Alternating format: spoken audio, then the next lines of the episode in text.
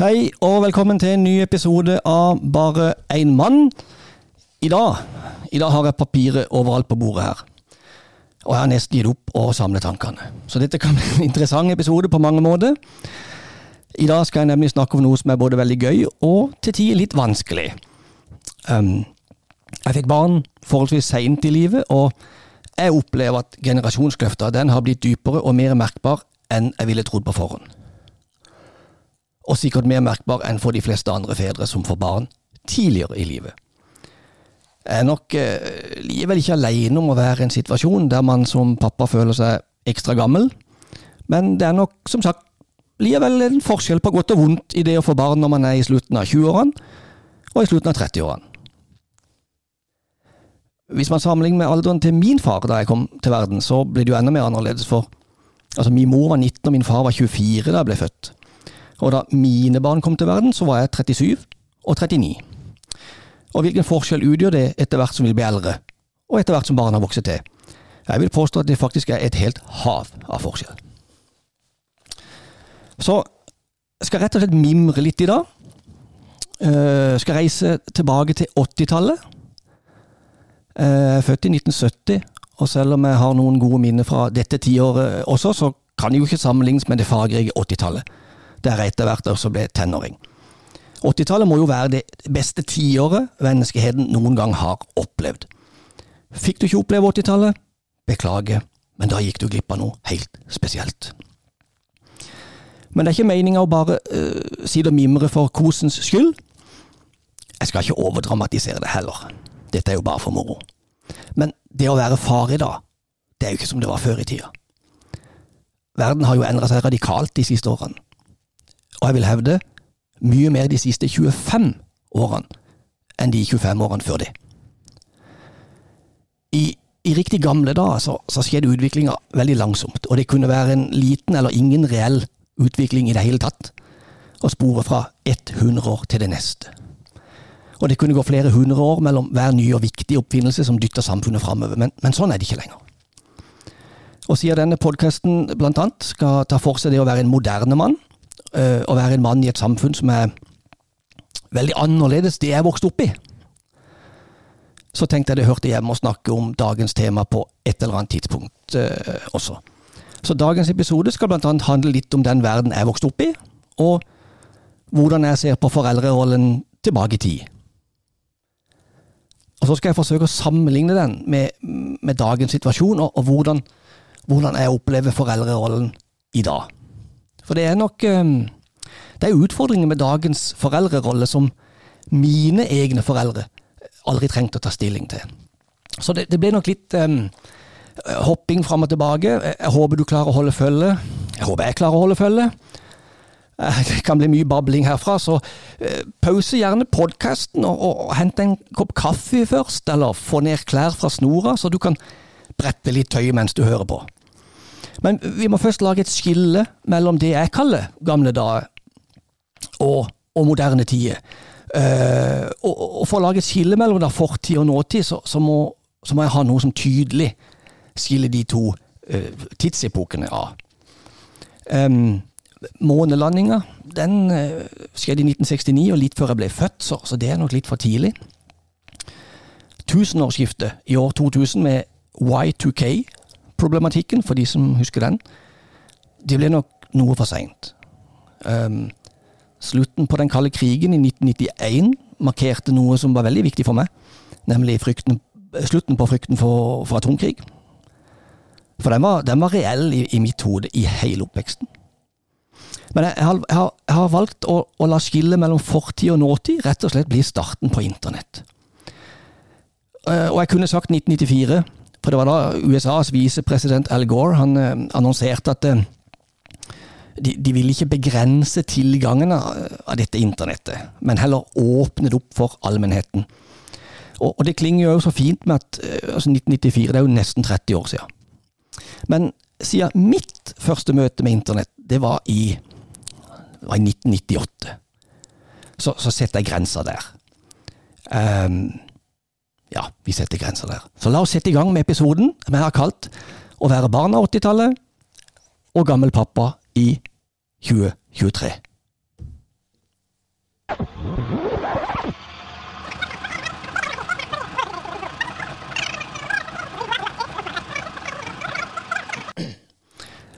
Aller først så skal vi bare kort innom dette med, med internett, som da har blitt skillet mellom fortid og nåtid i, i, dagens episode. Og Jeg vet godt at internett ikke ble oppfunnet i 1994. Um, jeg mener jeg studerte en gang for lenge siden at tanken om internett faktisk går tilbake til 30-tallet. Eh, det var en idé om at man en gang skulle kunne hente opplysninger rett ut av stikkontakten, eller strømkontakten. Men jeg husker ikke hvem som hadde de tankene, eller hvordan de tankene var formulert. Men det, det er uansett ikke så viktig. Hvis man eh, drar fram eh, det store norske leksikon, eller som jeg har gjort, da, bare finne det på Google, så, så kan man derimot lese at internetts historie begynte i 1960-årene med en rekke forsøk på å utvikle standarder for sammenkobling av datamaskiner over lengre avstander. Tidligere former for oppringssamband ga svært dårlig utnyttelse av linjekapasiteten. Hver sammenkobling la beslag på én telefonlinje, og det blir det samme som å ha en vei der bare én bil kan kjøre om gangen. Og det første suksessfulle pakkeswitchede nettverket, der data stykkes opp i, i mange biter, sånn at mange datastrømmer kan passere samtidig i nettverket, det var ARPANET i 1969. Og pakkeswitching det er selve grunnprinsippet i moderne dataoverføring. Og Så skjedde det en masse på, på 70-tallet og 80-tallet som ikke vi trenger å gå inn på her, men vi hopper rett til 90-tallet. I begynnelsen av 1990-årene så ble internett åpna for kommersiell bruk. Og det ble straks et forretningsområde prega av intens eh, aktivitet. Over hele verden så begynte private selskaper å selge internettabonnementer til, til firmaer øh, og privatpersoner. Og, og man fikk da øh, oppkoblingsmuligheter med e-post og, og webleser, nyhetsformidling, nettprat osv. Varebestilling og, og banktjeneste ble også mulig, eh, og stilte nye krav til, til, sikkerhet. Og Der så jeg just et program på tror det var NRK. Med Jeff Bezos, som starta i den tida her, eh, Amazon, sånn bokhandel på nett. Og Elon Musk han eh, kom også inn etter hvert og starta PayPal, som da var banktjeneste. Og antallet brukere det det økte eksplosivt, og, og spesielt da etter at webtjenestene kom gjennom i 93-94. Mange firmaer så muligheten for å bruke internett til å, til å markedsføre sine produkter, og, og reklame ble derfor fast eh, innslag. Og i den vestlige verden så, så, ble det veldig vanlig at private husstander hadde tilgang selv til internett, eh, med skole, internett, kafé og bibliotek sikre tilgang for de som ikke hadde internett hjemme eller på jobb. Og jeg husker godt da det starta med en analog linje hjemme på slutten av 90-tallet, eh, som brukte et e-ved på å laste inn én side med bare ett bilde. Og jeg husker hvor fantastisk det var å kunne få ISDN. Da fikk man jo en raskere datalinje, pluss at du hadde ei telefonlinje åpen, så du kunne ringe ut samtidig som du surfa. Og Seinere kom ADSL, og jeg husker jeg lasta ned Star Wars-filmer ulovlig. Shame on me. Og jeg husker at jeg alltid måtte innom en internettkafé for å få siste nytt hjemmefra hvis jeg var på reise. Men, men det aller første møtet med internett som jeg hadde, det var i, i 1998, da reisebyrået Berg-Hansen, som jeg jobba for, installerte internett plutselig en ettermiddag da jeg var på jobb. Og jeg, akkurat da så visste jeg rett og slett eh, Jeg visste nesten ikke hva internett var for noe engang. Men da jeg oppdaget at jeg kunne lese om amerikansk fotball i sanntid, og ikke lenger trengte å abonnere på en avis fra England som var to uker gammel da jeg fikk den, da var jeg solgt. Livet vil aldri bli det samme igjen. Og det var ikke vanskelig å fylle pausene på reisebyrået eh, etter internett. Men det gikk jo ikke akkurat eh, fort, da. Å laste ned aviser med bilde tok som nevnt en evighet, men det var starten på noe som eh, forandra alle våre liv. Så jeg setter 1998 som skille mellom fortid og nåtid, moderne tid og gamle, dag, gamle dager, og det er da av kommersialiseringen av internett. Og fotnote. Den første norske avisen med egne nettsider, det ble Brønnøysunds Avis den 6. mars 1995. Og de slo Dagbladet med to dager. Jeg vil tro at forspranget de to avisene fikk på alle andre aviser, er spist opp i dag.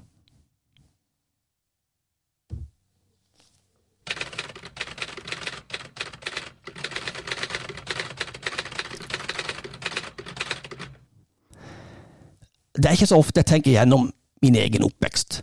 Det er snøen som falt i fjor, og, eller vannet som, som renner under Venneslabrua.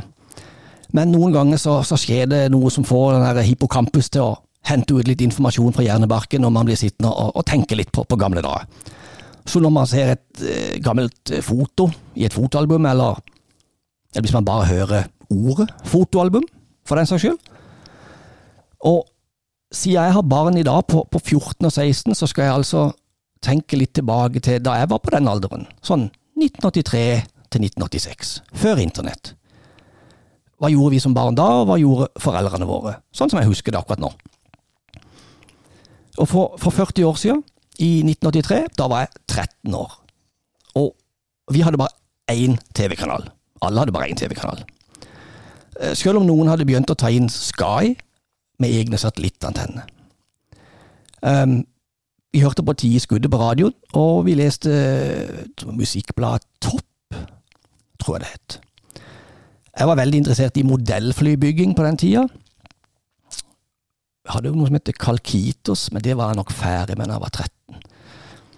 Hvis du er på min alder og, og googler Kalkitos, så vil du nok få se bilder som får deg til å tenke tilbake på, på gamle dager. Og hvis ikke du vet hva Kalkitos er, det var noe som var veldig gøy på den tida.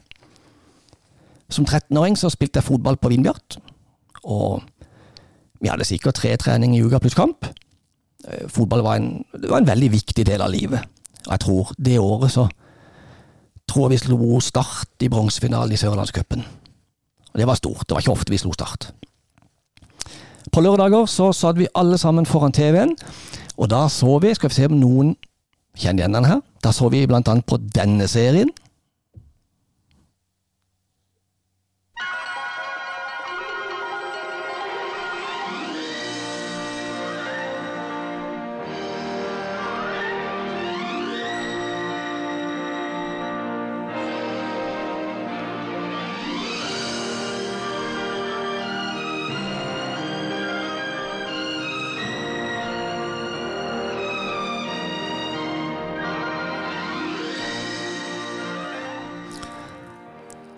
Dette var jo altså da dynastiet som gikk som en farsott i Norge.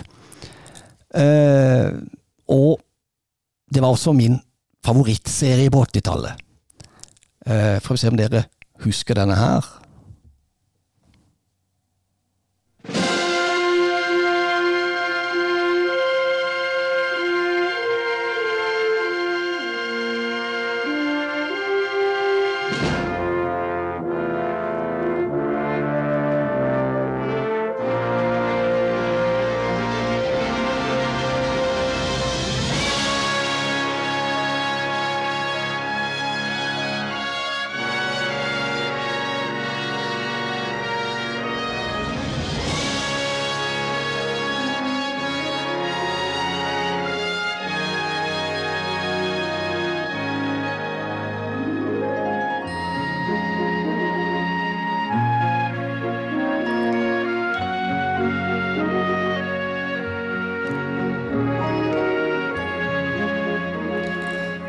Måtte bare spille noen sekunder ekstra. Det er jo introen til I det ville Vesten, som han het eh, da han gikk på NRK, med familien McCayhan. Eh, Seb McCayhan var jo en skikkelig tøffing. Angående musikk, andre gutter på min alder de hørte mye på Kiss, men jeg var, jeg var ennå ikke så interessert i musikk. Jeg hørte litt på Roger Whittaker på kassett. Han døde faktisk bare for noen få uker siden, så RIP til han. Uh, et par år etterpå så ble jeg derimot vilt interessert i, i både Bruce Springsteen og ACDC. Så det ble litt tyngre gitarriff enn dere Roger kunne valse opp med etter hvert. Og som, som 16-åring så, så, reiste jeg sammen med en, eh, en kompis med tog til, til, Drammen for å se på ACDC i Drammenshallen. Og hørselen ble jo aldri den samme igjen etter det. Jeg hadde jo for eksempel aldri sendt min 16-åring alene på konsert i Drammen eller Oslo i dag. Hadde aldri skjedd. I sommerferien så var vi som oftest på campingturer, og det var da til Lyngdal eh, og Kvavik, med campingvogn og fortelt. Hele sulamitten og hele bøtteballetten, og det var ikke noe alternativ til det. Alle vi kjente gjorde det samme, og vi reiste aldri til Syden på den tida. Mer om det etter hvert. Men vi satt så å si heller aldri inne. Da skulle det være veldig dårlig vær. Vi, vi var på trening. Eh, vi spilte fotball på Løkka i tillegg. Eller vi kunne sykle Vennesla rundt. Vi sykla til Drivnesvann for å bade. Eller vi sykla 15 km helt opp til Røyknes for å fiske abbor, som 13-åring. Og på vinteren var det på den tida eh, lite salting. Så veiene var fulle av hardpakka snø og is. Perfekt til å bruke en spark.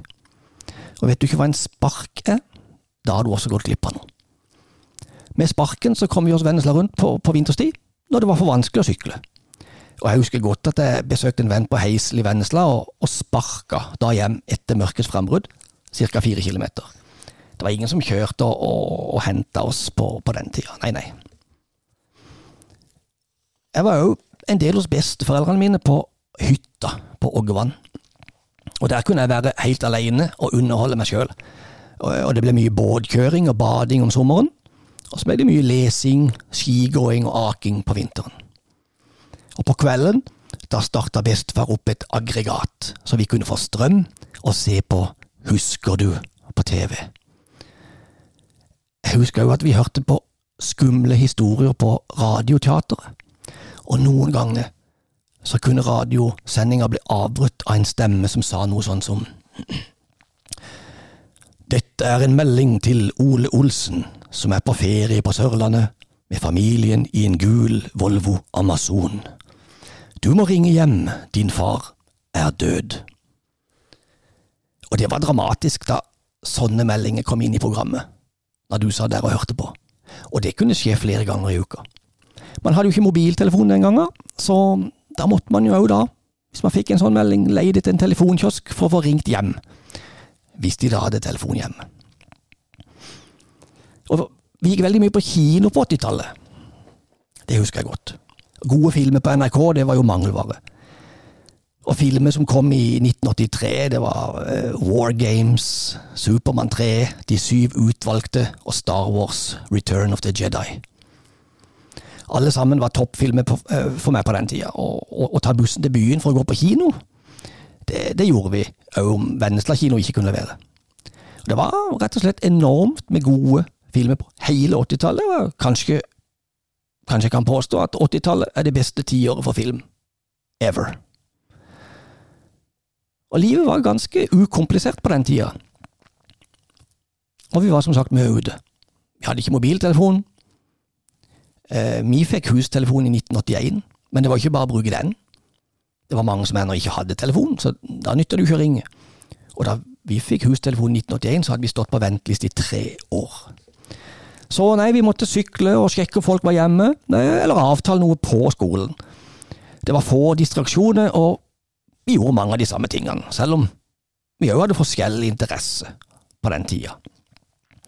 Men de fleste virka i hvert fall på meg å være med i Vindbjart, eh, og, og vi så alle sammen på tippekampen på lørdag med risgrøtekampen og pizza til dynastiet på kvelden.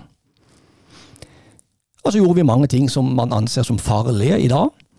Eh, vi bada alene i elva, uten voksne til stede. Og vi klatret til topps i kirsebærtrærne og kom ikke ned før vi måtte løpe på do. Og da mener jeg løpe. Og det farligste, sånn som jeg oppfattet det på den tida, det var å åpne bruskorken til Rønneviks brus. Husker dere den? Du åpna den med å dra i en aluminiumring, så dro den opp og bakover, og så åpna korken seg på, på, to steder på midten. Og det ble noen sabla skarpe kanter der, som man kutta seg på mer enn én en gang. Og vi drakk mye brus på den tida, husker jeg. Men eh, ja, vi drakk alt på en gang, for korken kunne jo egentlig ikke settes på igjen. Jeg husker jeg besøkte ei gammel tante etter nesten hver fotballtrening. Eh, og det betydde at jeg fikk masse godteri, is og penger. Og pengene de la jeg vel igjen. Alt, alt jeg fikk, la jeg igjen i kiosken Odds frukt i, i gatene på Måsøymoen i Vennesla. Men det var ikke frukt jeg kjøpte. Det ble mye slikk på oss i den tida. Slikk og fotballkort. Men eh, likevel, det var sjelden vi så noen som var overvektige den gangen. Jeg husker jeg kjente én gutt, gutt, på den tida der som, som, var tjukk. Som folk sa var tjukk, men ingen hadde kikka på han en gang i dag. Men jeg, jeg, tror ikke vi levde noe sunnere i gamle dager. Men vi var nok veldig mye mer aktive enn de er i dag.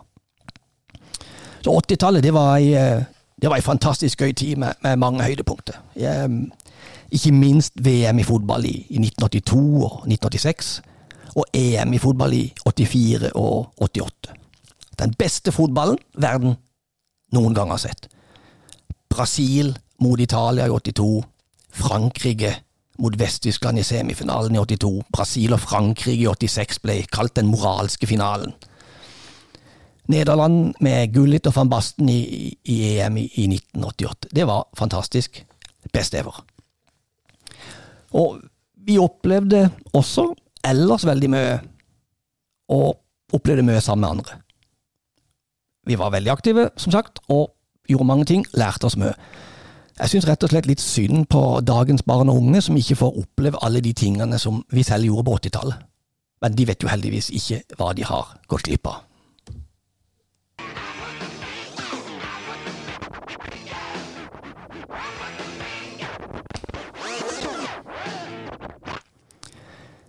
Men hva gjorde så foreldrene våre på den tida?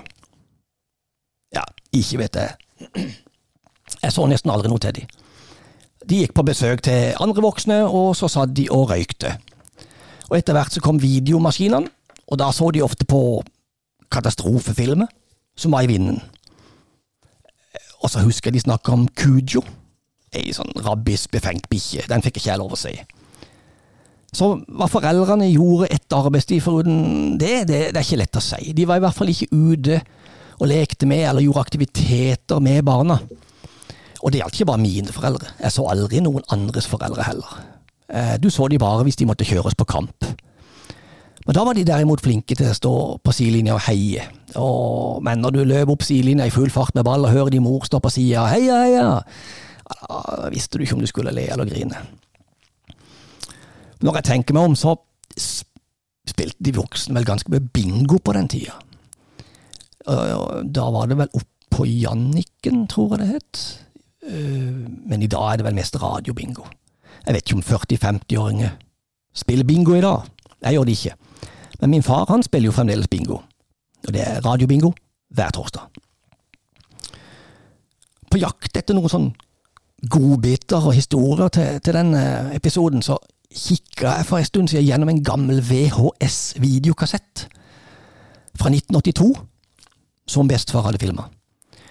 Vet du ikke hva en videokassett er? Ja, da må du spørre pappaen din. Og uansett, bestefar, eller far som jeg kalte han, han hadde et gigantisk videokamera med, eh, med en, stor, en, sånn stor videomaskin i ei, veske rundt skuldra. Og så gikk han rundt og filma alt mulig rart. Han filma en gang en, en flott sommer da med bading og skrål fra oss barna oppe på hytta. Og de voksne de satt ganske stille i en fluktstol og, og solte seg. Og jeg la merke til de som da var voksne og rundt sånn 35-40 år på den tida der. For en dårlig form de var i. Jeg både føler meg bedre, og jeg ser bedre ut som 53 i dag, enn det de gjorde som 40-åringer på den tida. Mye bedre. Så hva enn de voksne gjorde på den tida, så var det i hvert fall ikke mye sunt. Uh, hvis noen der ute skulle ha noen minner om hva voksne gjorde på midten av 80-tallet, så må de gjerne sende inn på Instagram-kontoen alfakrøllbare én mann.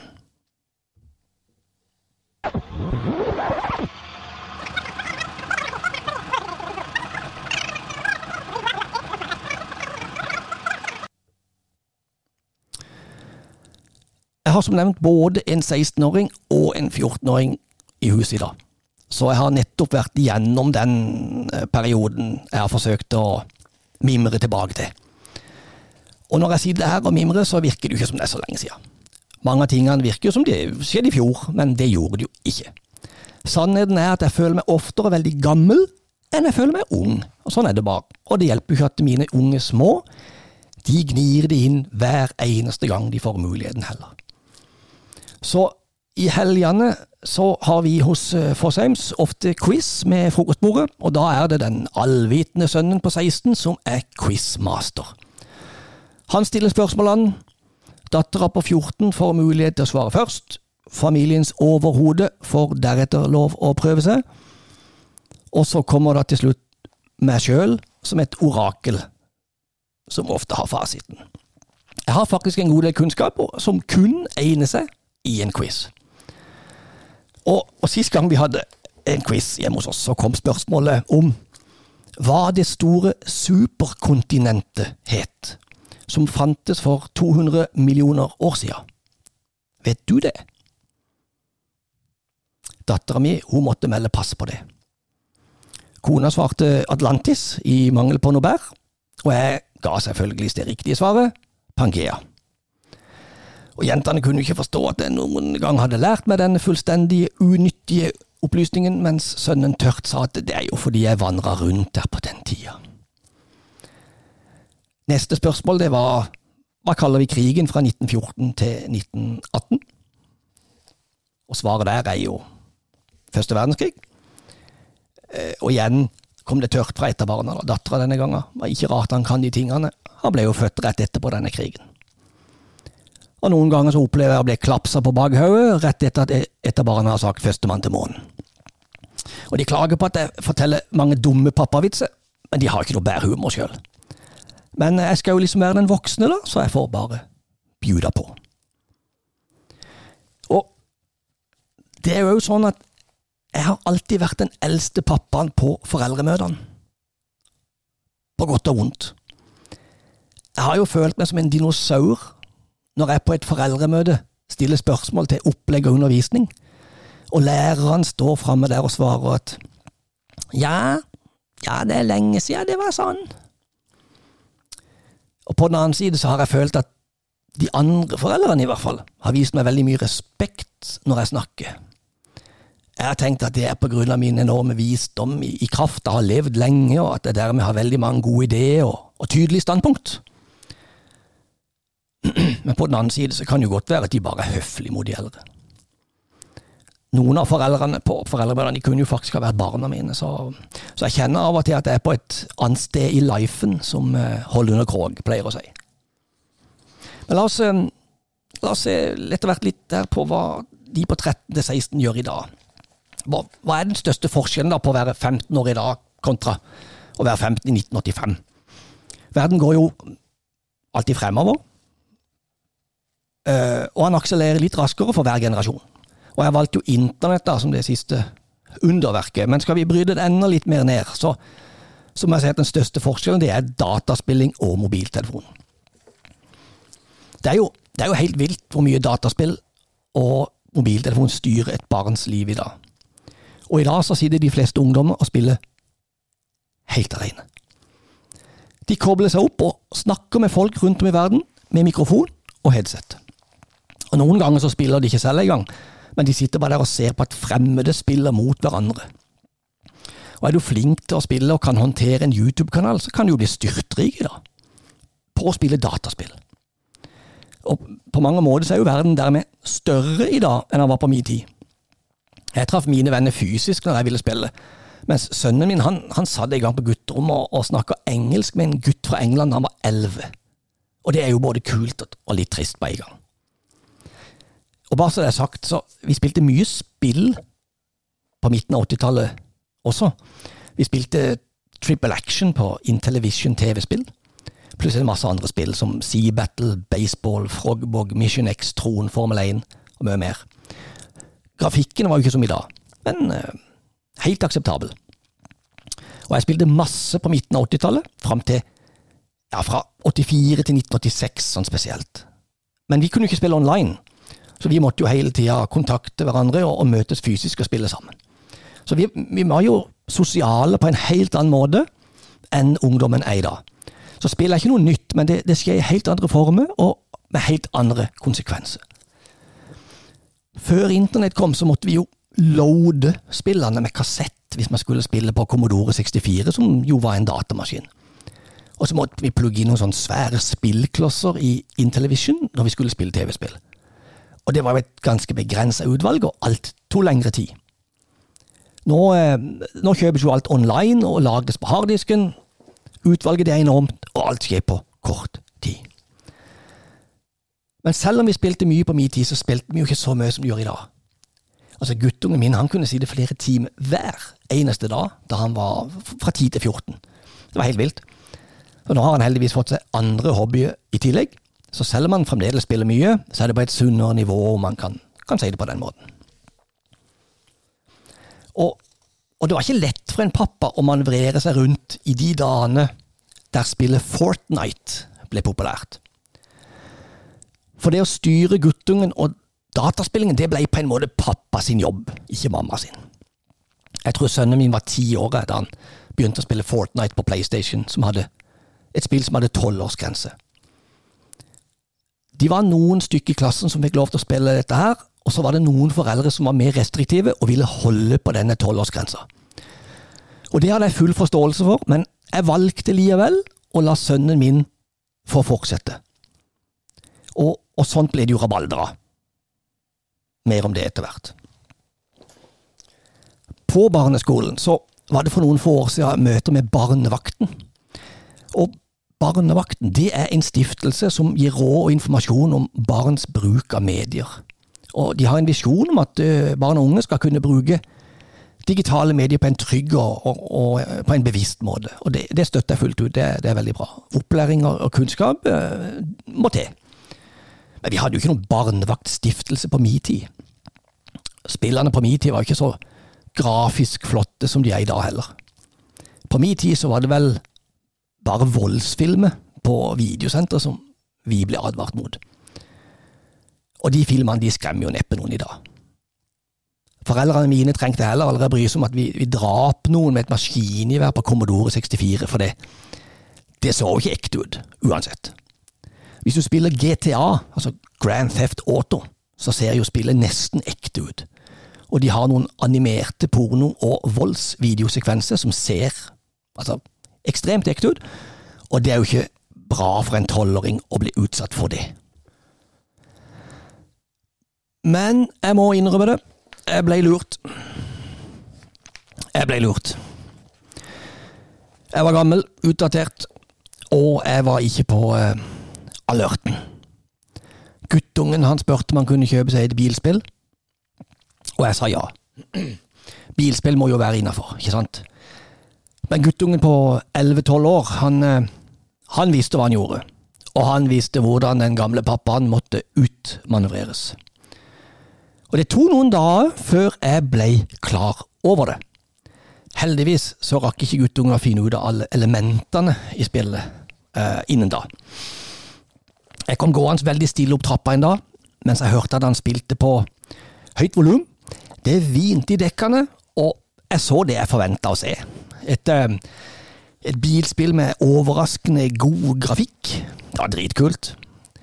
Men eh, så så jeg at det var en sånn bilfører som hoppa ut av bilen, overfalt en annen person, stjal pengene, hoppa inn i bilen igjen og viste fingeren idet han stakk fra åstedet. Alt i ekstremt god oppløsning og god grafikk. Eh, akkompagnert av et stort glis fra guttungen på ca. 11. Og før jeg kom meg opp eh, hele trappa til andre etasje, så skjønte jeg jo at jeg var blitt lurt. Og da var det jo eh, bare å spørre guttungen. Du, det bilspillet der, det, eh, det heter vel ikke GTA og har en sånn 18-årsgrense? jo, ja, da må du være snill og slette dette spillet fra PlayStation med en gang. Dette er ikke et vanlig bilspill. Men jeg har betalt 700 for det, og du sa jeg fikk lov. Det er greit. Min feil. Du skal få pengene dine tilbake, men du sletter spillet nå. Men alle andre får lov. Og akkurat her så, så lot jeg meg ikke lure lenger, for jeg visste jo at alle andre ikke spilte dette spillet. Og, og noen raske telefoner, jeg fant ut at det var et par andre som spilte det. Og det ville ikke jeg legge meg opp i. Jeg hadde jo sjøl lagt lista annerledes vedrørende spillet Fortnite, som jeg fortalte om. Så jeg aksepterte at det var flere andre syn ute og gikk, men jeg trakk linja der. GTA var på feil side av linja, og tolvåringen måtte slette spillet. Men han utmanøvrerte meg, og det kosta meg jo dyrt. Sånt skjedde jo aldri på min tid. Men jeg hadde vært naiv, uoppmerksom, og var ikke i takt med ungdommen og det de var interessert i, og det de holdt på med. Men jeg forsøkte å manøvrere riktig i denne spillverdenen, og jeg ønska ikke å si nei til alt. Og jeg ville ikke si ja til alt. Han fikk som nevnt lov til å spille skytespillet Fortnite, eh, som er et spill der man sikter på hverandre med diverse våpen, og så eliminerer man hverandre da fra spillet. Spillet hadde en tolvårsgrense, men tiåringen fikk lov å spille. Og det skapte da et lite opprør i foreldregruppa, og jeg, og jeg sto faktisk veldig alene. Og la det være sagt, jeg forsto hva de andre foreldrene mente. En tiåring burde nok ikke spille et skytespill for tolvåringer. Det er jo aldersgrense av en grunn. Min forklaring, det var at det for det første så var det ikke noe blod i spillet. Og man eliminerte en spiller mer enn man drap en person, om dere forstår. Og for det andre så, så var sønnen min han var følelsesmessig veldig jevn. Han jubla når han vant, og så rista han på skuldrene når han tapte. Det var ingen banning, eh, ingen andre utbrudd. Han virka veldig moden. Og det var avgjørende for meg spørsmålet om han skulle få lov til å fortsette å spille eller ikke. Og For det tredje så hadde jeg selv erfart at uh, Fifa, fotball, som hadde syvårsgrense, det skapte jo enda mer utbrudd hos de andre barna. Det var jo i de fotballspillerne barna gikk amok når de tapte og kom med uønska verbale utbrudd. Det var rett og slett litt aggresjon ute når barna spilte syvårsspill. Så jeg valgte rett og slett derfor å trekke ei annerledes linje enn en foreldregruppa, basert på min egen opplevelse hjemme hos oss. Og hvis du som lytter på nå føler at du hadde holdt med foreldregruppa, så er det helt greit. I get it. Poenget er jo at det var en vanskelig balansegang her. Og en balansegang som vi foreldre må ta i dag, som våre foreldre ikke trengte å ta. Og som jeg sa tidligere, så jeg så jo aldri noe til foreldrene mine den gangen. Mens foreldre i dag, vi må jo ha et øye på hvert barn til enhver tid. Og det kan jo være utfordrende. Så ble det mer rabalder da, da sønnen ville spille COD. Call of Duty. Og det er jo et skikkelig krigsspill, der blodet kan flyte fritt, og glosene er av den typen som man ikke lærer på en kristen privatskole. Og jeg konfronterte sønnen min med dette her, da han ville spille dette, og, og jeg måtte sjekke ut spillet sjøl. Og jeg fant ut at man kunne skru ned aldersgrensa på spillet. Altså Man kunne ta bort Man kunne gjøre noen sånne innstillinger, så kunne man ta bort blod og gørr og banning. Og det gjorde jeg, og så satte jeg meg ned en kveld og så spilte jeg gjennom en del av spillet. Det var ganske gøy. Og så kom jeg fram til at det ikke var noe særlig verre enn Fortnite. Så fikk sønnen lov til å spille denne versjonen eh, av spillet. Uten blod, gørr og banning og sånne ting. Men jeg ser absolutt problemstillinga. Og dette er jeg oppe i foreldregruppa med, med, de samme argumentene. Hvis sønnen min hadde vist tegn til aggresjon, så hadde jeg stoppa ballet med en gang. Men jeg gjorde ikke det. Og ikke når han spilte, og ikke ellers i livet heller. Det var bare underholdning. Ikke noe mer. Så jeg valgte å la han fortsette. Men det var ikke enkelt å ta sånne beslutninger. Og jeg kjenner til gutter i, som i tidlig alder ble spilleavhengige. Kunne sitte oppe flere dager i strekk. Jeg ville jo ikke at det skulle skje heller. Og igjen, det, dette er jo viktige og, og vanskelige problemstillinger som foreldre må ta i dag, som ikke fantes på min tid. Så jeg hadde aldri opplevd å få rammer og regler på det her. Hadde dermed ingen erfaring på hvordan man løser sånne situasjoner. Og alle der ute kommer jo med, med gode råd, så hvem skal man høre på? Og så er det jo fort gjort å se forbi faresignalene hvis man er tillegg blitt for gammel. Da han ville spille Call of Duty, så visste jeg jo først ikke hva det var. Um, etter hvert så, så forsto jeg det jo. Um, han forsøkte nok å lure meg, men uh, klok av skade etter GTA-fadesen, så gikk jeg ikke på noen ny COD-akronymtabbe. Og hvis noen der ute ikke vet hva akronym er, så LOL. Jeg nevnte mobiltelefoner. Det fantes selvsagt heller ikke på min tid. Og her tenker jeg ikke bare på mulighetene for å ringe hverandre for å ha en samtale, men mest på alle spillene man kan ha på telefonen, og alle appene. Nå sitter jo barn og unger og ser programmet på YouTube med AirPods på, på øret, og da har man jo som foreldre en liten sjanse til å snappe opp ting. Alt er jo mer skjult i dag. Og, og så var det jo alle disse meldingene som ungdommene begynte å sende til hverandre. Først var det SMS, og, og så ble det Messenger, og nå er det vel Snap og TikTok. Og I begynnelsen så sjekka vi i foreldregruppa SMS-et for å leie et eh, tegn til mobbing, for det var det en del av. Og foreldregruppa på skolen hooka vel tak i flere tilfeller der det ble oppdaga. Men etter hvert så kan man jo ikke bare gå inn på mobilen til ungdommene lenger heller. Og det er jo krevende eh, at selv om jeg føler meg teknologisk til stede, så er 16-åringen nå mye bedre på teknologi enn jeg var. Han er verre enn det er jo kanskje. Og 14-åringen eh, følger bra på. Så jeg merker at jeg er eldre i forhold til barna enn jeg burde være. For den teknologigenerasjonskløfta, den blir bare dypere. Jeg mister for hvert år litt av evnen til å tilegne meg ny kunnskap, mens ungdommene plukker opp nye ting bare i forbifarten. Jeg holder fremdeles sånn tålig følge, men sakter akterut likevel. Forhåpentligvis så er det blitt folk av ungdommene før jeg må gi helt opp og henge med i svingene.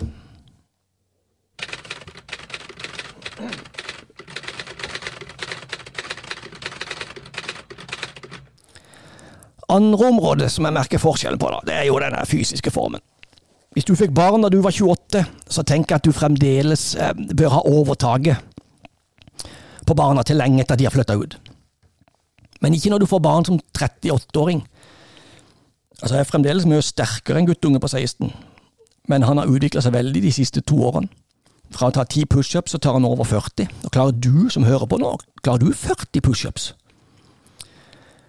Jeg klarte ikke 40 pushups som 16-åring, men jeg skal skryte litt der og si at akkurat nå så klarer jeg faktisk over 50.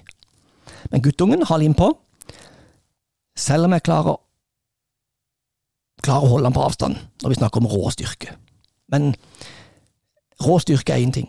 For ett et år siden så skjedde det noe. 15-åringen, som han da var, og, og jeg løp eh, sammen eh, en del, og jeg løp både lengre og raskere enn han inntil jeg plutselig ikke gjorde det. Og da mener jeg plutselig. Det skilte kun én sommerferie.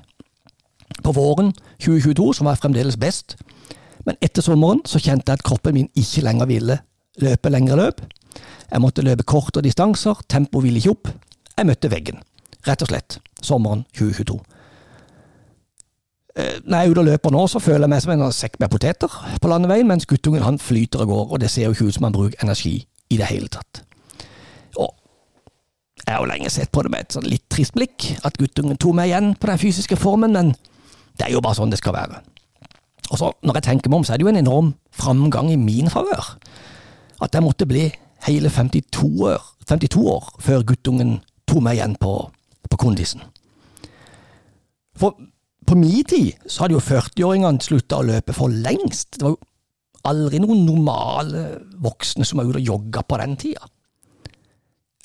Men jeg sliter litt med det. Det er bare å innrømme.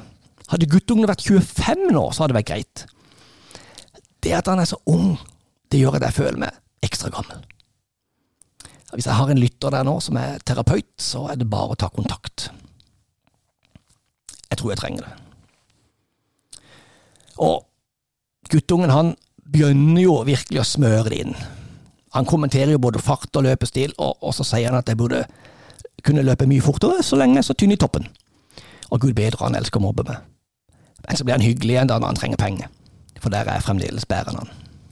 Enn så lenge. Nå skal ikke jeg snakke for alle andre, men da jeg var ung, så virka det som om det var veldig få som snakket om det for sin utdanning. Vi ville jo helst ut i arbeid med en gang. Hunsfors var plassen i Vennesla som mange så for seg. Jeg hadde selv noen somre på Vigeland bruk da jeg var 17, 18 og 19. Um, vi snakker om mulig sommerjobbe hjemme med barna nå, for det er jo i komminga. Men vi snakker mye mer om skole, universitet og utdanning. Vi gjorde aldri det før. På min tid så var det vel ADH, Agder distriktshøgskole, tror jeg det het. Som noen sånn smarte streber endte opp på, men vi snakker aldri om det hjemme i, i vår familie. Jeg var sjøl så skolelei at jeg føyk rett i militæret. Og etter militæret så ble det et par års arbeid i utlandet, før jeg var innom Dyreparken en stund, og så jobb i reisebyrå, Telenor, Ernst Hotell.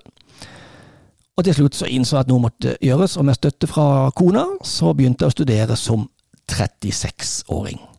Det var på høy tid, og det er aldri for seint. Men, men, det var jo sånn det var i gamle dager. Man ville jobbe og tjene penger. Opplæring, det fikk du på jobben. Sønnen min på 16 han har derimot allerede bestemt seg for utdanningsløpet, og det for lenge siden. Han har alt planlagt, han ligger milevis foran meg, og dattera mi på 14 hun er òg i god gang med planlegginga. Så alt dette her er annerledes på en veldig god måte. I motsetning til tidligere, så, man, så har man som ung i dag man rett og slett større planer for framtida enn det vi hadde i gamle dager. Og så føler jeg kanskje at det å være en gammel pappa på akkurat det området, det er kanskje en styrke. Man har levd litt, gjort flere feil, eh, fått flere erfaringer enn om jeg hadde vært 15 år yngre. Jeg er ikke sikker, men jeg velger å tro det. Så rådene mine det blir dermed bare bedre og bedre. Men ungdom er ungdom, og, og, noen ganger så virker det som de er fast bestemt på å skulle gjøre de samme feilene som man sjøl gjorde, og da er det jo ikke rart man blir tynn i toppen. Jeg nevnte òg at vi gikk mye på kino på 80-tallet. Og vi leide òg sabla mange videofilmer. Vi kunne jo greit se to til tre filmer på en kveld. Og inntrykket mitt er at i dag så går ungdom ganske sjelden på video. På kino, mener jeg. Uh, og hvis jeg skulle tippe, så, så går barna mine på kino kun tre-fire ganger i året. Toppen. Men så har man jo noe fantastisk da, som vi ikke hadde på min tid, nemlig Netflix, Disney pluss, Paramount, HBO osv. osv. Nå har ikke jeg alle disse kanalene, jeg har et par av de. Uh, så det er alltid noe å se på, hvis man vil. Så kanskje ikke det er så rart at ungdommer heller velger sofaen og en av Star Wars-seriene, fremfor å dra til byen for å se en film der. Og når vi snakker om utvalg av serier på TV i dag Jeg husker NRK pleide å ha fjernsynsteater på tirsdager. Og det var jo noe ingen likte. Og helt tilfeldig en gang så satt jeg og, og så en person bli halshugga. Så blodspruten sto i beste sendetid. Jeg tror det var et finsk fjernsynsteater. Jeg tror det het jerntida, men jeg er litt usikker på om det var slutten 70- eller tidlig 80-tallet. Jeg husker det ble rabalder av det. Ungdommen i dag hadde jo knapt reagert. Jeg vil påstå at hvis du var så heldig, slash uheldig, å se dette programmet på NRK, så husker du den halshugginga den dag i dag. Eh, det finske fjernsynsteateret ellers har du nok forsøkt å glemme. Og det er jo en lykke at høyreregjeringa på 80-tallet fikk stoppa monopolet til NRK Jeg mener jo at det var Kåre Willochs fortjeneste, i hvert fall. Eh, TV-tilbudet i dag er jo en million ganger bedre, selv uten alle strømmetjenestene. Før var det jo bare én NRK-kanal, men nå har jo NRK tre kanaler, i tillegg til at alle de andre kanalene òg finnes på TV-en. Så det er jo fremgang av sporet. Men derfor, la oss nå se litt på hva som går på NRK en tirsdag i oktober nå i 2023 skal vi se. NRK1. Spektakulær verden begynner klokka åtte. Og så er det noe som heter Øyeblikk fra Norge Rundt. Dagsrevyen kommer så. Debatten. Anne og Anders i Europa. Og så distriktsnyheter til slutt. På NRK2 så begynner det klokka åtte. Så begynner Med hjertet på rette staden. Eh, etterfulgt av Jakten på monsterkveita, Demenskoret, Den neste pandemien, Tandem-eventyret. Mm -hmm.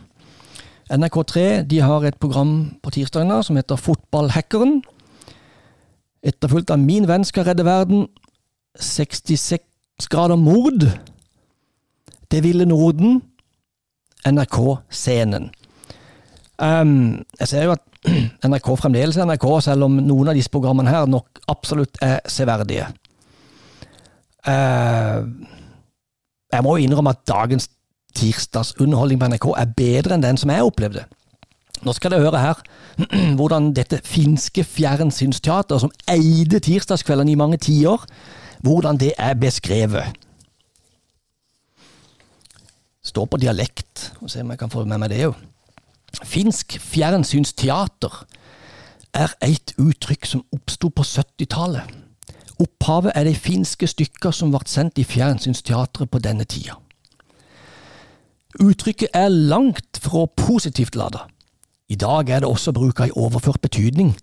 Når vi skal beskrive noe som er ekstra mislykka, grått og trist, så kan karakteristikken bli finsk fjernsynsteater. Vi som så på dette, vil huske teaterstykker som depressive, grå og saktegående. Det skjedde lite. Ofte var det scener med nakne menn i badstua som lirer av seg endeløst med bannskap mens de drakk vodka. Nevrotiske, ikke sjelden hysteriske kjerringer styra innomhus sammen med ungene. Jeg kan ikke minnes å ha sett et finsk fjernsynsteater der noen virker lykkelig, skriver en anmelder. Ja, fjernsynsteatret var noe for seg sjøl. Det er over 63 år siden institusjonen ble oppretta. På den tida, da NRK først og fremst skulle drive folkeopplysning, så ble Fjernsynsteatret en arena for mange eksperimentelle forestillinger. Showartall var det ingen som brydde seg om. Folk forsto lite eller ingenting, men hva, hva skulle de gjøre? Det fantes ikke andre kanaler å switche over til. De traumatiske finske stykker som det ble mange av, ble en egen sjanger, og visstnok hadde de, ifølge den finske reiselivsnæringa, også den virkningen at nordmenn vegrer seg mot å reise til Finland på ferie, og da har du bomma. Folk flest misliker fjernsynsteatret sterkt. Innholdet ble oppfattet som uforståelig og meningsløst. Fjernsynsteatret gikk fast på tirsdagskvelder, starta litt over klokka ni. Forestillinga kunne vare i et par timer før Kveldsnytt kom til unnsetning. I 1991 ble Fjernsynsteatret nedlagt. Jeg tipper det kom få klager og henvendelser med krav om å få denne groteske un underholdninga opp på plakaten igjen. Så ungdommene i dag vet ikke hva de går glipp av, og det tror jeg vi alle bare skal være veldig glade for.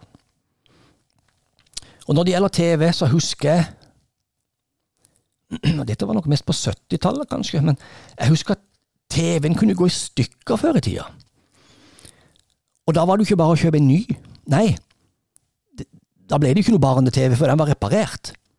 Og så tror jeg han TV-reparatøren som kom hjem til oss i Vennesla Jeg lurer på om han het Flakk. Jeg skal ikke vedde på det, men jeg mener det. Og jeg mener fort det kunne bli ei god stund uten barne-TV hvis TV-en røyk. Og det var jo ikke gøy å gå glipp av lekstue, Pompel og Pilt, Pernille og Harry Nelson. Ryker TV-en i dag, så må man jo sporenstreks ut i Sørlandsparken og hente en ny. Jeg aner for øvrig ikke hva en TV kosta i gamle dager, men satt opp mot de inntektene man hadde da, så tipper jeg at TV var en større luksusvare før i tida.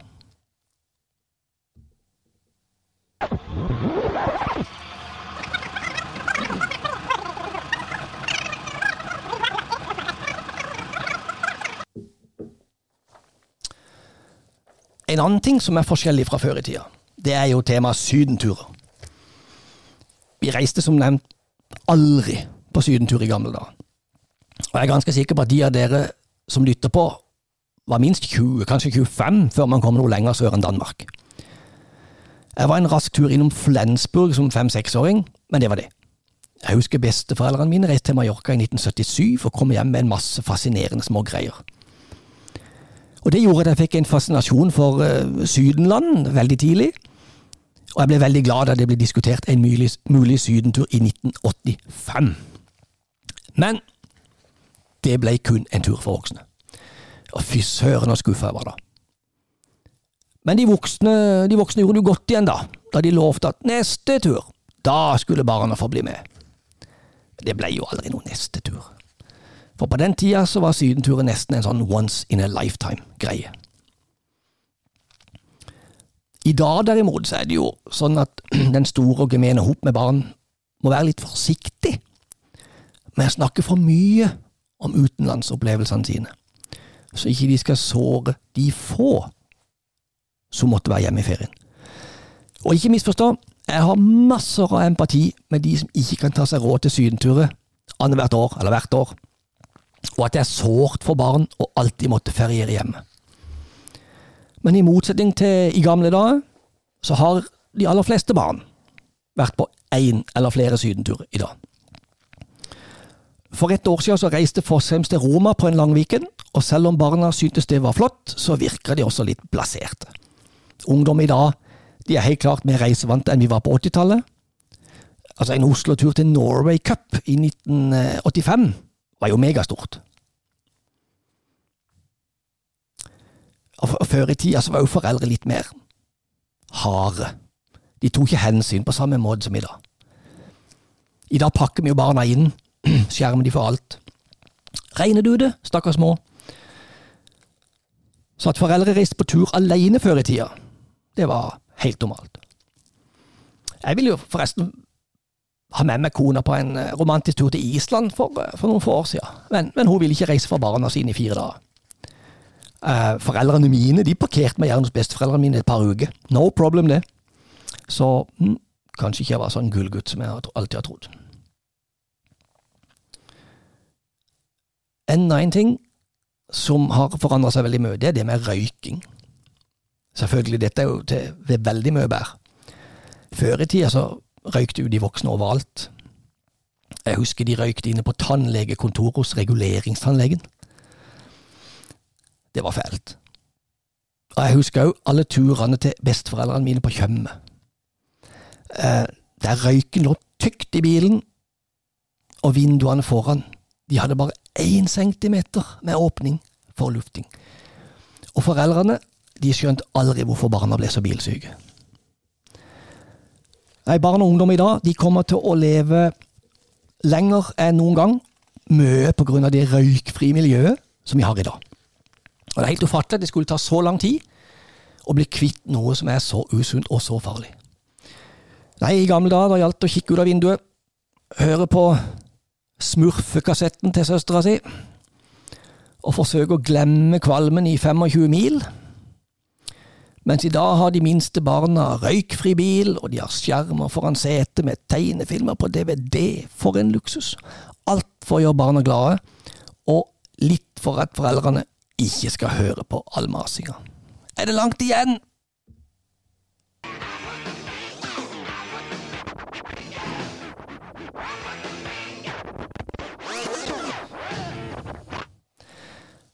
Så jo mer jeg tenker på det, så holdt foreldre på med sitt var nå det enn var da vi var barn og unge. Vi så lite til de. Jeg husker det for det meste alt det gale de gjorde.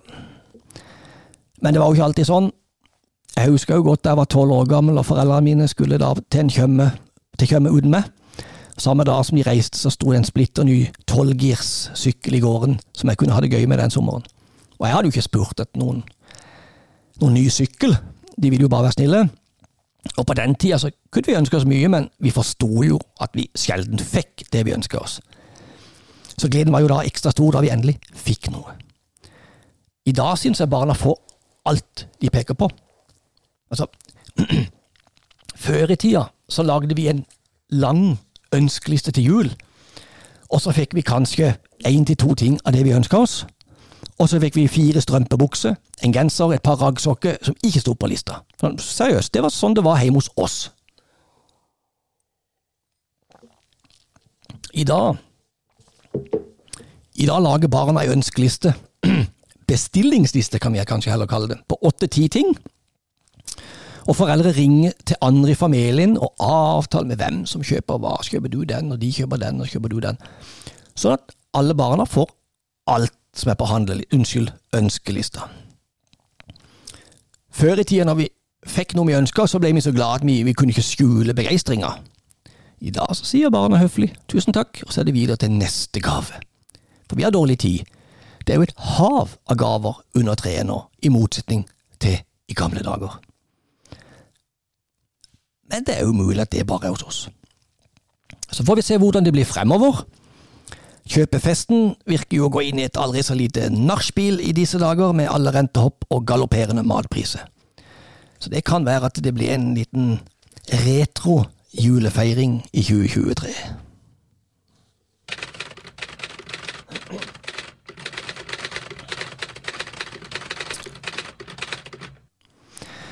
På mange måter så føler jeg at barn og unge i dag da, er mer modne og har opplevd mer enn vi gjorde på min tid. Og likevel så er de mer passa på og mer pakka inn, sånn at de ikke skal gjøre de samme feilene som vi gjorde. Og de er selvsagt mer teknologisk begava, men på den andre side så er de mye mindre selvstendige. Altså, min far han reiste til sjøs som 15-åring. Jeg var alene hjemme hele sommeren som 15-åring. Men det var jo ikke nubbsjanse at vi skulle latt 15-åringen være alene hjemme ei uke engang i 2023. Så det har skjedd noe der som ikke bare er til det bære. Um, vi må jo si litt om skolen òg. Jeg husker godt at vi hadde til tider en veldig streng lærer i fjerde til sjette klasse. Altså linjaler, de svære, hvite linjaler med litt rødt på, og, og, pekestokker, de, altså, de kunne knuse splinter og fly i små biter gjennom lufta hvis noen hadde glemt å gjøre leksene. Og det var til tider ganske skummelt. Og han hadde ei svartebok. Han hadde ei svartebok der han skrev opp alle som hadde glemt noe eller gjort noe galt. Og jeg må innrømme at noen ganger så var jeg vettskremt. En gang så heiste han opp en tolvåring opp av svømmebasseng etter begge ørene. For den tolvåringen ville ikke komme opp av bassenget. Så han bøyde seg ned, tok tak i begge ørene og heiste han opp. Og det ble til skrikinga. Så man kan trygt si at man ble motivert til å gjøre lekser, men kanskje ikke av den riktige grunnen. Og i dag så får ikke lærerne lov til å omtrent se hardt på elevene engang.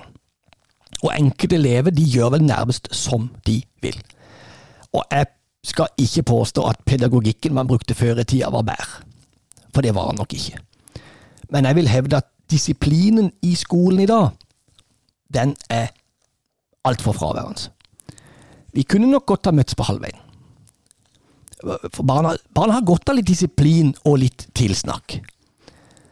Og jeg mener at foreldre i større grad må støtte lærerne når de skal forsøke å hjelpe til med å disiplinere barna våre. I stedet for å bli sure hvis barna kommer hjem og sier at læreren snakker til dem.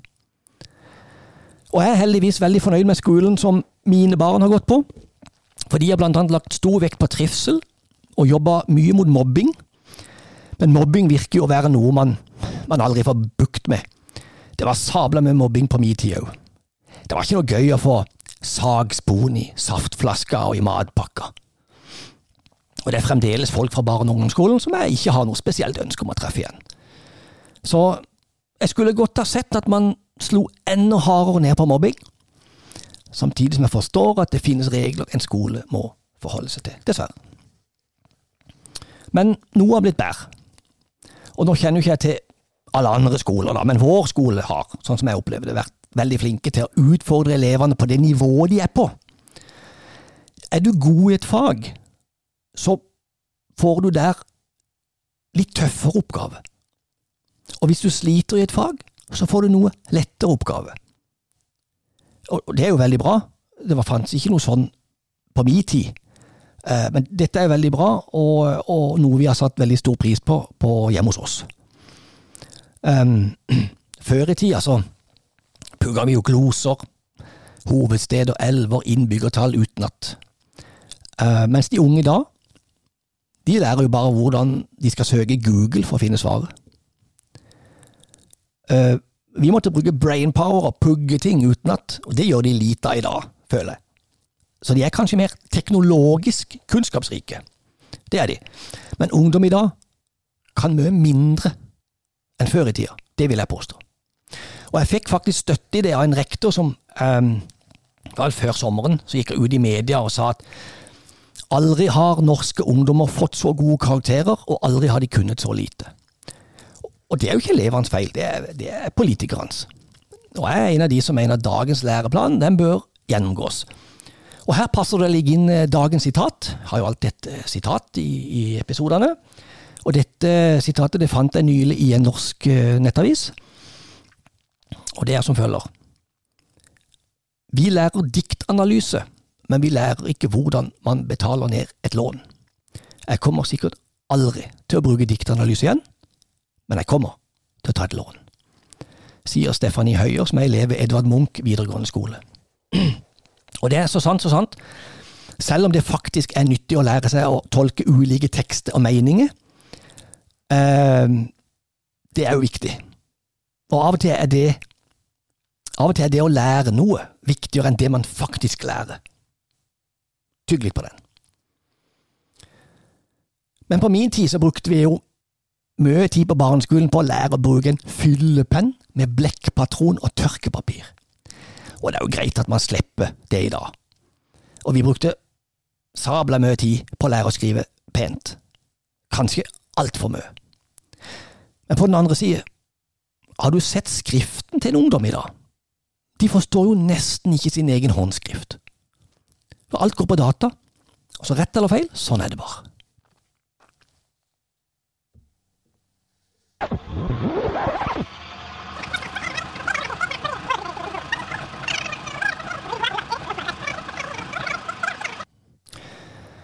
Og vi kommer ikke utenom i et tema som dette her, like it or not. En annen ting som er annerledes, og som kan gjøre en papparolle, og en mammarolle òg for den saks skyld, vanskeligere i dag. Det er porno. Jeg vil tro at i gamle dager, før internett, så måtte man som voksen bare ha kontroll på mannebladene sine, så ikke barna fant de. Hvis man da hadde manneblader. Men hvordan skal man ha kontroll på dette i dag? Altså Barn og ungdom har jo all mulig tilgang på egen telefon. Og det er klart, når barna var små, da sjekker man jo telefonen for, for diverse ting. Uh, men det kan man jo ikke gjøre med ungdom. Så jeg må jo innrømme at angående det temaet der, så har jeg bare lukka øynene helt. Jeg bare, jeg bare ser forbi det. Uh, ikke for det, jeg har ikke hatt noen grunn til å mistenke uh, mine egne barn for noe som helst der. Men jeg har hørt flere historier om barn som har lånt telefon fra voksne og klikker seg inn på sider med lettkledde damer, ofte helt tilfeldig. Um, før man fikk bredbånd, så var det ikke uvanlig at man ved surfing på lettkledde damesider ble kobla ned fra internettet lokalt og automatisk oppkobla på ei øy i Det indiske hav som het Diego Garcia. Dette var på tidlig 2000-tallet. Og den nedkoblinga på din lokale Telenor-server og oppkoblinga på den øya i Det indiske hav, Diego Garcia, den skjedde uten at du merka det. Og Da gikk du fra å betale lokaltakst til at du betalte utenlandstakst. Og Da jeg arbeida i Telenor på begynnelsen av 2000-tallet, så var det mange sinte fedre som fikk regninger på mange tusen kroner Veldig mange lå mellom 3000 og 10 000. Jeg husker en var på over 30 000 kroner, og det var mye. Eh, og da er jo det på om det var månedsregning eller kvartalsregning. Og da ringte de inn til Telenor kundeservice og klagde på at det var noe feil på internett. Men da de ringte inn, og vi snakka litt med dem, så viste det seg at alle sammen hadde en tenåring i huset som hadde kikka litt rundt på internett som ikke visste noe om dette her. Um, da måtte vi jo bare advare de. Um, men så kom jo ADSL og bredbånd, og da er man jo fast oppkobla, og så betaler man en fastpris for surfinga, så da forsvant det problemet etter hvert. Men det er ikke noen tvil om at selv om man ikke får dyre regninger for surfing på sånne sider lenger, så er det jo en bekymring vi voksne har i dag, som man ikke hadde i gamle dager. Sånn er det bare. Uh, en liten digresjon og fun fact. Um, jeg husker jeg så et program på NRK for mange år siden om noen som seilte jorda rundt. Og De hadde tilfeldigvis kommet til ei øy som het Diego Garcia. Og da husker jeg at jeg snudde hodet rett mot TV-en. For navnet Diego Garcia det var kjent for alle som arbeider på Telenor kundeservice.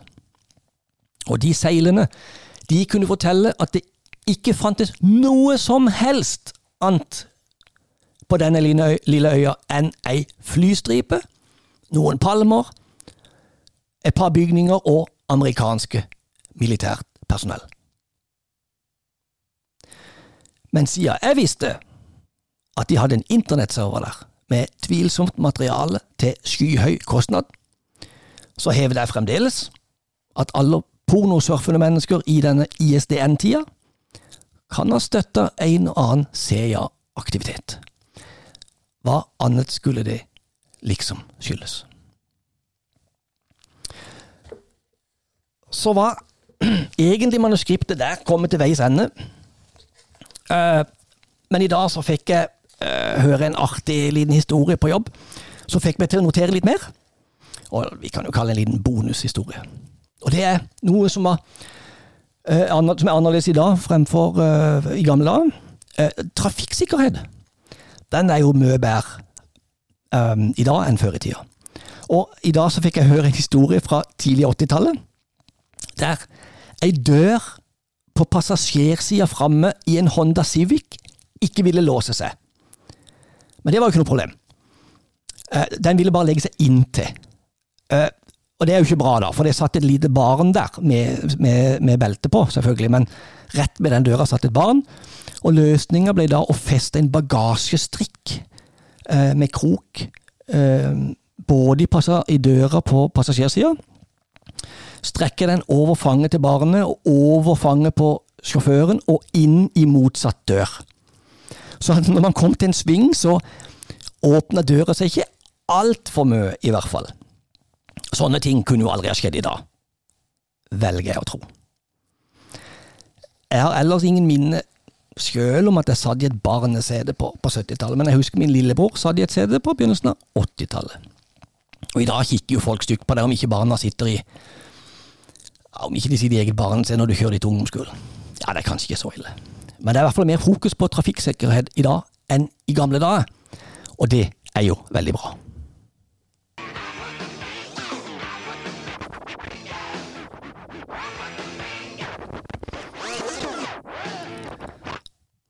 Men nå føler jeg at jeg har lirt av meg mye, og jeg er sikker på at jeg kunne strukturert det her bedre. Men nå ble det som det ble, og det er sikkert mye mer man kunne nevnt, men et sted så må man sette en strek. Og hvis jeg skal konkludere med noe, så må det jo være at eh, hver tid har sin sjarm. Hver tid har sine utfordringer. Jeg kan godt si at enkelte ting var bedre i gamle dager, spesielt på 80-tallet. Men det er jo mange ting som er mye bedre i dag. Det er fort gjort å glorifisere gamle dager når man sitter og mimrer. Husker de gode tingene, så glemmer man de dårlige. Men verden går tross alt fremme, og jeg vil hevde at den totalt sett alltid blir til det bedre. Litt etter litt, for hvert år, og i et stadig voksende tempo. Det er nok få mennesker som egentlig ønsker seg tilbake til tida før internett, og de som er født inn i internettepoken, de hadde jo fått sjokk nå om de måtte leve ei uke som vi gjorde på 80-tallet. Men så herlig for oss, da, som var så heldige å få oppleve den tida før internett. Samtidig er det mer utfordrende å være foreldre i dag enn det var den gang. Men når jeg ser på den flotte ungdommen som vokser opp nå, så ser det ut som at vi skal klare å få det til også. Det får bli siste ord i dag. Jeg håper du følte at det var verdt å, bruke tida på. Kanskje du fikk gjort rent, bretta tøy, rydda garasje mens du holdt på. Ingenting er bedre enn å kunne slå mange fluer i én og samme smekk. Abonner på podkasten, så får du et vink når neste episode er klar. Det er jo gratis. Takk for at du hørte på. Ha det godt. Vi høres i framtida.